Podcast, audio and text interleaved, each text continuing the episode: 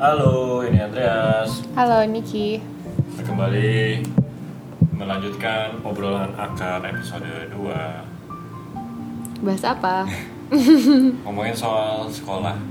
Waktu zaman sekolah dulu kita sering dapet nilai yang ini dia apa ini paradoksnya eh, nggak tahu ya apakah ini berlaku untuk semua guru di Indonesia atau enggak cuman tapi sering banget ketemu guru-guru yang pelit banget kasih nilai. Jadi terutama kayak ini lebih sering dulu kalau misalnya waktu zaman SD aku eh, di pelajaran menggambar Kenapa? jadi guru itu sukanya ngasih kalau gambarnya bagus sih kasihnya 8 Iya aku juga sih. Aku, eh, tapi aku pernah dapat 9 pernah dapat 9 gambar? Gambar. itu berarti kan kayak gimana itu? Apa eh, apalagi untuk gambar itu sesuatu yang lumayan subjektif tapi juga objektif sebenarnya kan. Gambar yang bagus orang tetap bisa ngeliat. Walaupun orang nggak bisa gambar tetap bisa ngeliat gambar yang bagus dan tetap bisa apresiasi itu. Tapi eh, ternyata ini nggak berlaku untuk yang pelajaran seni doang tapi juga matematika gitu. Tadi kamu cerita tentang salah satu guru kamu. Kayak gimana ceritanya?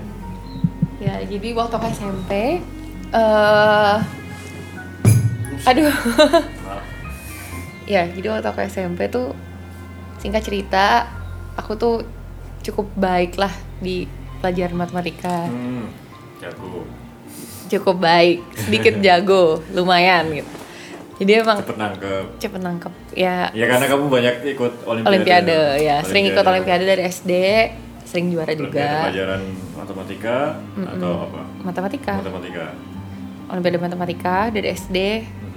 Kelas 4 aku udah ikut kelas Terus 5 ikut lagi apa? Tingkat kecamatan atau kabupaten? jadi kalau dulu tuh sistemnya waktu SD tuh ada jalur C sama jalur A2 apa itu? jadi kan tujuannya olimpiade matematika ini olim OSN namanya Olimpiade Sains Nasional Hmm. itu tujuannya adalah untuk matematika tujuan akhirnya adalah IMSO International Mathematics and Science Olympiad Oh, untuk Nah, nyari nyari Peserta kandidat bisa dari. Indonesia. Hmm. eh, itu tujuannya. Nah ada jalur A sama jalur C. Jalur A itu sistemnya adalah juara tiga di kecamatan terus juara tiga di kabupaten.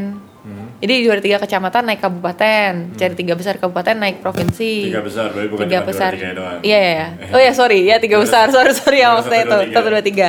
Nah tiga besar provinsi naik nasional tiga besar nasional mewakili IMSO Oke. dan jalur C jalur Jalur C nggak tahu kenapa cuman A sama C ya ya jalur C itu passing grade system nah aku lewatnya yang passing grade system Apa itu? jadi misalnya aku masuk kecamatan eh, passing grade-nya adalah misalnya 80 Mhm. berapapun yang lolos segitu yang lanjut ke tahap berikutnya tapi, Oh, tapi bukan oke. bukan kecamatan sih sistemnya dia kayak ratusan orang Hmm. lolos passing grade sekian Pokoknya lanjut. nilai sekian Heeh, bisa heeh, lewat. nilai sekian Nggak nilai sekian tiga lewat. nggak cuma tiga orang. Ya kayak Hmm. gitu gitu jadi aku dulu sempet ikut yang itu. Nah, ya lumayan lah. Oke lah. Lumayan jauh. Jadi sering mewakili sekolahmu. iya lumayan sering. Nah, Oke, kalau untuk matematika SD, SMP sama di tingkat levelnya sama. Memang sih nggak sampai jadi tim Olimpiade Matematika Indonesia, tapi satu level di bawahnya itu, jadi Oh. lumayan lah ya gitu kan. Ah. Ya udah, terus waktu SMP tuh aku sempet kayak karena udah belajar materi Olimpiade SD itu kan sebenarnya banyak sudah setingkat dengan materi sekolah biasa SMP dan SMA. hmm, yang diajarin di sekolah Mm-mm. SMP.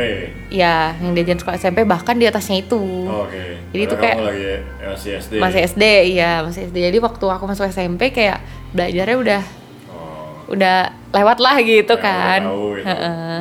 ya udah terus karena ulangannya kayak 100 semua gitu tugas 100 semua aku waktu kelas 2 sempat dapat nilai 99 gitu di Di rapot rapot 99 bahkan bukan 100 padahal iya padahal 100 semua ulangan 100 tugas 100. tugas 100 semua bisa jadi 99? nggak tahu katanya nggak boleh ngasih nilai 100 di rapot tapi Nah. nggak tahu kenapa Itu dia.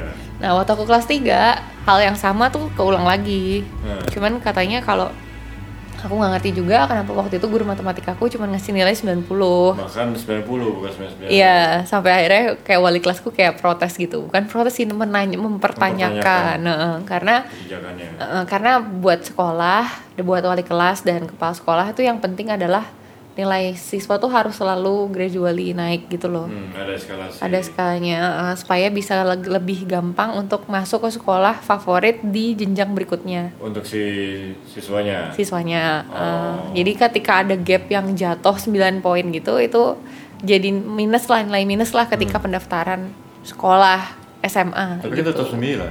Iya sih, 90. tapi nggak ngerti ya. Waktu itu ada ada ada ada sistem seperti itu gitu loh. Karena penerimaan siswanya kan nggak cuman lewat tes, tapi ada jalur kayak semacam SNMPTN gitu.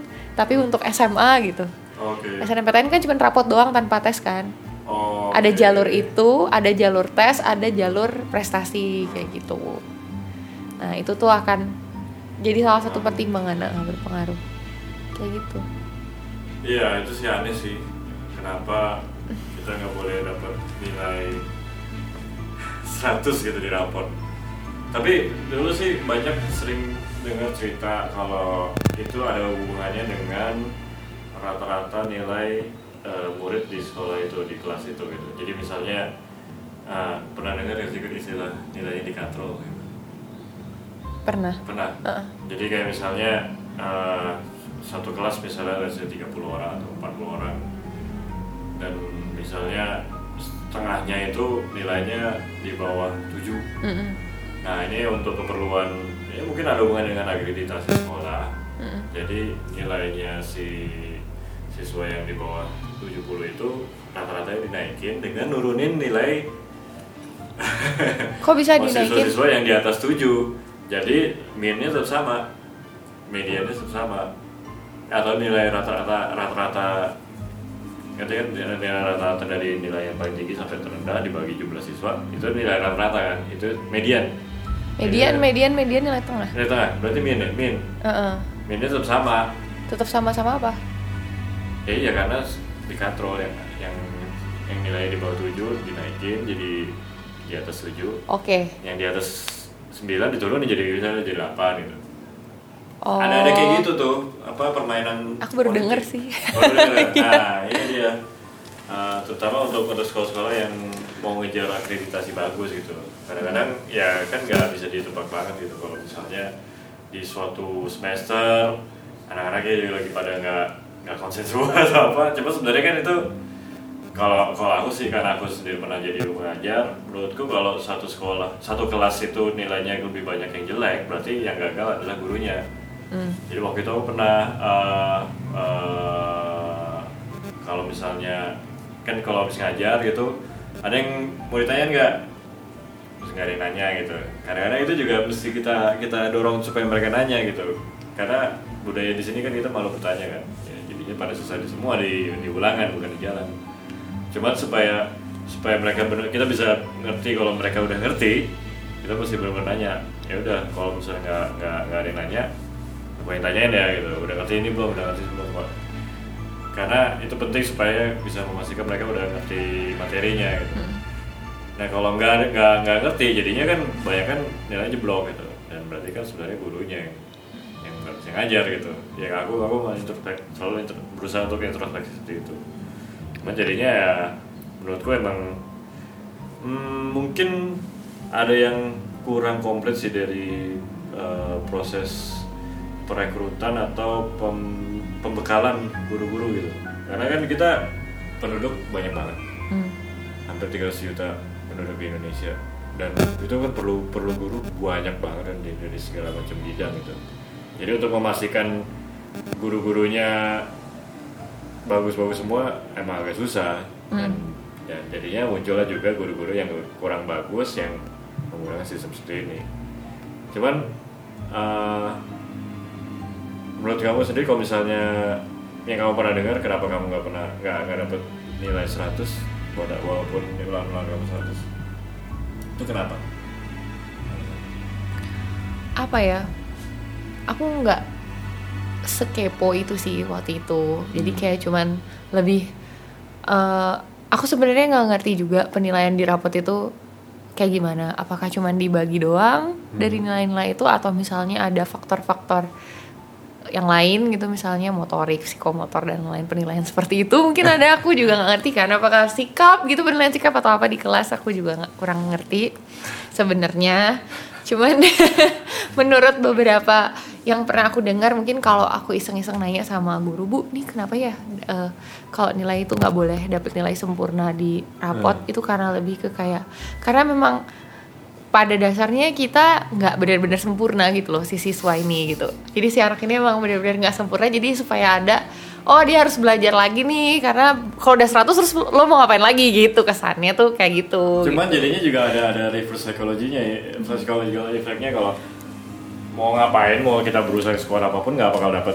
nggak bakal diakui sebagai sesuatu yang sempurna sama guru gitu. Ngapain kita berusaha? Jadi kan kayak gitu kan. Ada Iya, efeknya seperti itu juga iya gitu. sih. Jadi ini, ini emang apa ya bedanya sih dengan eh, antara cara pendidikan ya nggak nggak pukul rata, cuman rata-rata yang orang barat sama orang timur itu beda di sini. Jadi waktu itu aku pernah punya dosen eh, dosen musik di UPH. Waktu itu aku baru mulai belajar klarinet. Umur berarti aku umur berapa tuh? 2003 18 19 malah kan umur 19 aku baru mau belajar klarinet supaya karena aku pengen bisa main di orkestra gitu terus ya udah eh, tadi aku instrumennya piano pindah ke klarinet terus baru baru belajar niup mesti ngaki ngaki bunyinya acak adut nah terus eh, dosen gue ini orang Jerman dan dia kasih eh, beberapa inilah waktu tes kamu mesti bisa main tangan ada ini malah mesti bisa ini ini ini, ini. Nah cuman karena aku udah udah udah pernah belajar teori musik sebelumnya udah udah ngerti tangan ada dan sebagainya buat aku lumayan cepat kan. Yang susah adalah cara niupnya aja gitu. Nah terus waktu di ujian ya aku dapat A. Mm. terus dekanku sempat mempertanyakan dekanku orang Indonesia ke dos- dosenku yang orang Jerman ini kok Andreas bisa dapat A? Kan dia baru belajar uh, klarinet gitu. Buat dia aneh nah tapi si dosenku bilang ya Andreas sudah yang penting dia di semester pertama ini dia bisa menguasai ini ini ini, ini dan dia udah bisa menguasai itu ya udah dia kasih dikasih nilai emang A emang itu untuk kenyataannya gitu Iya kenyataannya dan nggak nggak dikasih eh, patokan yang yang aku belum bisa dan belum perlu eh, untuk kuasai. bener-bener Ya kan itu kan lebih mo- memotivasi kan. Jadi aku jadi makin semangat. Oh ternyata aku bisa nih gitu. Itu eh, sebaliknya kalau di, timur, nah ini aku share sedikit kalau waktu aku kecil dulu waktu SD tuh selalu aku dituntut untuk punya nilai yang eh, di atas 8 sama mamaku, terutama mamaku. Ini Asian parent banget. Jadi kalau misalnya dapat nilainya 7 itu udah diomelin. Diomelin dan ya aku suka lumayan, lumayan sempet stres lah waktu kecil. Cuman waktu SMP makin makin jeblok nilainya makin gak juara kelas, makin SMA juga makin ada, ada nilai-nilai 4, 2 gitu di terutama kimia. Aku nggak pernah. Atau akuntansi gitu. Jadi emang sangat-sangat Gitu tahu. kan, cenderungnya, Terus, terus. cenderungnya orang tua eh, Asia itu lebih lebih akademis gitu, lebih mementingkan nilai, tapi juga mereka nggak, ya itu itu tadi yang kau bilang, biar nggak cepet puas, biar nggak cepet puas. Menurutku sih itu lumayan omong kosong sih, karena walaupun kita dikasih nilai 100, kalau kita emang nggak cepet puas, ya kita nggak akan cepet puas, kita akan terus tetap, tetap berusaha. Jadi nggak perlu faktor eksternal untuk bikin kita ngerasa nggak cukup gitu. Jadinya kan itu malah malah bikin kita ngerasa apa pun yang aku lakukan aku nggak pernah pantas gitu untuk bener dipandang oleh entah orang tua atau guru. jadinya mengejar sesuatu itu karena butuh pengakuan orang lain Iya. Ya emang nggak bisa dipungkiri emang kita pasti butuh apresiasi. tapi itu jadi motivasi utama karena sistem itu kan Iya benar. ya kan padahal seharusnya itu bukan motivasi utama Iya. Menurutku sih yang lebih ya aku setujunya dengan sistem reward itu sih. Kalau emang eh, yang kita perlu lakukan dia udah dilakukan dengan baik, ya udah dapat A gitu, dapat nilai sempurna, bagus terusin keep up the good work lah kayak gitu. Nah kalau misalnya ini juga ada nggak sih di sistem sistem evaluasi sebenarnya di dunia kerja ketika kamu kerja ketemu pernah ketemu hal seperti ini? tempat kerja hal seperti ini tuh maksudnya? Ya penilaian. Kan kadang-kadang penilaian karyawan itu eh, salah aja salah mulu gitu ya? Ya ya ada ada bos yang kayak gitu. Aku sih kalau sejauh ini ya aku pernah bekerja tuh berapa kali ya sama orang? Kerja oh aku pernah kerja di Jakarta itu Hmm. kerja di sini Hmm. sekarang eh, handle digital training dulu di Jakarta jadi data analis beruntungnya sih sama aku ngajar di beberapa sekolah musik sempet Hmm. aku sih belum pernah bermasalah sih dengan sistem kayak gitu sih di dunia kerja ya kalau di sekolah musik pernah sama sat- satu salah satu sekolah musik aku pernah bermasalah kayak tapi bukan bukan bukan masalah ini maksudnya Oh. bukan lebih ke kayak eh, cuman lebih ke kayak kita beda visi aja terhadap si anak ini Oh, jadwal. soal si anak ini lebih ke kayak misalnya eh, aku sebagai guru aku punya kurikulumku sendiri gitu loh yang harus aku kejar karena aku ngerasa orang tua udah bayar Hmm. mereka harus jadi nih anaknya gitu maksudnya istilahnya anak harus berprogres gitu kan nah sementara kita kan faktor keberhasilan anak itu kan dari institusi dari orang tua sama dari gurunya Hmm. kalau menurutku Hmm. Jadi harus tiga-tiga harus sinergi nih. Betul. nah si institusi itu waktu itu sekolah musiknya cenderung lebih ke pengen nampilin anak ini terus. Keseringan tampil jadinya. Jadinya uh-uh, mempromosikan betul. jadi uh, cuman jadinya si anak ini kekurangan waktu untuk melanjutkan materi-materinya yang seharusnya dilanjutin gitu. Kayak Hmm. misalnya dia harus latihan teknik A B C D E jadi nggak karena dia cuman mikirin untuk performance performance performance doang gitu. Yang menurutku waktu itu uh, performancenya jumlahnya sudah melebihi yang seharusnya dia Hmm. lakukan kayak gitu. Tugas utamanya bukan untuk Hmm, perform, bener ya. bener. Karena dia bukan karena dia belajar gitu Iya, kan iya. ya. performance bagian dari belajar tapi nggak harus sebanyak itu karena bukan main jobnya dia untuk perform gitu. Dia nggak dibayar. Iya dia nggak dibayar bener. Itu dia makanya. Eksploitasi anak. Iya kan jadi eksploitasi murid. Nah aku agak kurang kurang setuju agak sedikit bertentangan dengan itu. Masalahnya di situ. Jadi bukan lebih ke kayak bukan kayak ah kayak Sistem kurang terus. Iya bukan sistem penilaian gitu kalau di kantorku yang di Jakarta dulu waktu aku masih jadi data analis kebetulan karena itu startup Hmm. dan temen-temennya adalah orang-orang yang memang masih kita masih bangun culture-nya masih Hmm. saling belajar sama satu sama lain itu nggak aku juga nggak menemukan itu Oh, karena mereka juga belum punya sistem penilaian yang pasti terhadap karyawan kan Hmm. lebih ke gimana caranya ngebuat semuanya menumbuhkan cara belajar dan cara menilai diri mereka sendiri Hmm. kayak gitu kalau di sini eh karena ini company besar multinasional company Hmm. mereka udah punya sistem yang oke banget terhadap manajemen karyawan segala macem tesnya terus kayak peraturan eh, ibaratnya kalau kita ngelakuin sesuatu sesuai dengan apa yang mereka mau kita udah ada nih skala semacam skala insentif lah yang berpengaruh sama penghasilan kita tiap bulan gitu kan. Oh, oke, jadi kayak bonus. Heeh, ada bonus. Ya tapi itu memang udah kayak jelas banget sih kayak range sekian sampai sekian dapetnya sekian range sekian sampai sekian dapetnya sekian range sekian sampai sekian dapetnya sekian. Dan emang kayak udah didesain untuk karena ini teamwork kan eh, bikin handle kelas ini udah didesain untuk ini. Eh, apa namanya? Saling berkaitan gitu loh antar timnya. Hmm. misalnya si A ya kalau si A nggak perform ini akan berpengaruh juga ke eh, ke insentifnya si B, si C dan yang Oh. lain-lain kayak gitu. Karena otomatis hasilnya kan satu tim akan nggak perform gitu kan. Nah. Kalau si A nggak perform gitu. Nah. Jadi otomatis akan saling nge-backup temennya sih. Oh, Jadinya. dibikin sistemnya seperti Dibikin yang seperti itu. Nah karena jadi udah kebetulan pengalaman kerjaku adalah di company yang nggak punya sistem sama sekali, belum ada masih ngebe- ngebentuk sistemnya. Dan yang satunya lagi di multinasional company besar yang udah oke banget lah gitu untuk Ya. ininya. Jadi nggak beruntungnya belum menemukan itu. Gitu. Nah, sekarang kalau misalnya di luar konteks bekerja tapi penilaian ini kan selalu ada kan, apalagi zaman sekarang itu review, review dong, kasih bintang limanya ya kan, atau apa semacam Nah, menggunakan ya let's say aplikasi-aplikasi lah, Mhm, yang paling sering misalnya Gojek, Grab. Nah, kalau kamu sendiri ketika uh, apa yang membuat kamu akan memberikan bintang 5 atau bintang satu atau bintang berapapun itu? Karena kan dipersimpel kan, cuma ada lima doang. Iya. Kalau aku, Hmm. kalau aku sih misalnya aku order sesuatu, let's say gitu misalnya pakai Gojek, Hmm. order GoFood makanan sampai dengan baik.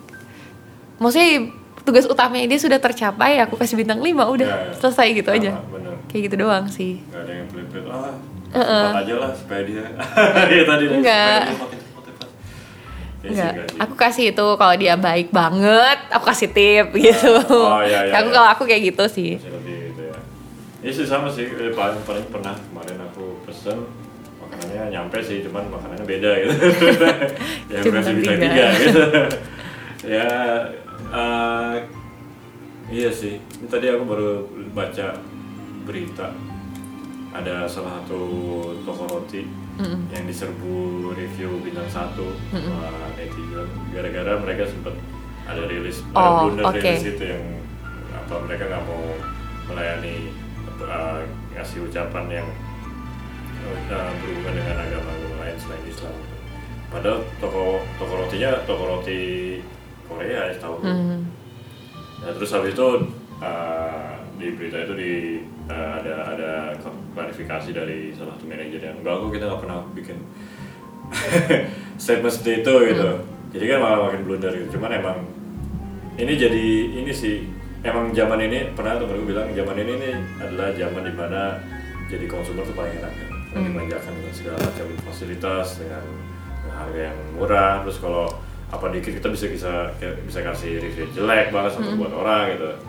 Cuman jadinya itu sih kita kadang-kadang suka uh, gampang untuk taken things for granted. Dalam arti kita jadi lupa untuk ya cenderung mudah untuk lupa memberikan apresiasi ketika itu di Ketika itu bagus ya. iya nah, kalau udah bagus ya emang seharusnya kayak gitu gitu Benar benar benar. sering kali sih gitu kan Mm-mm.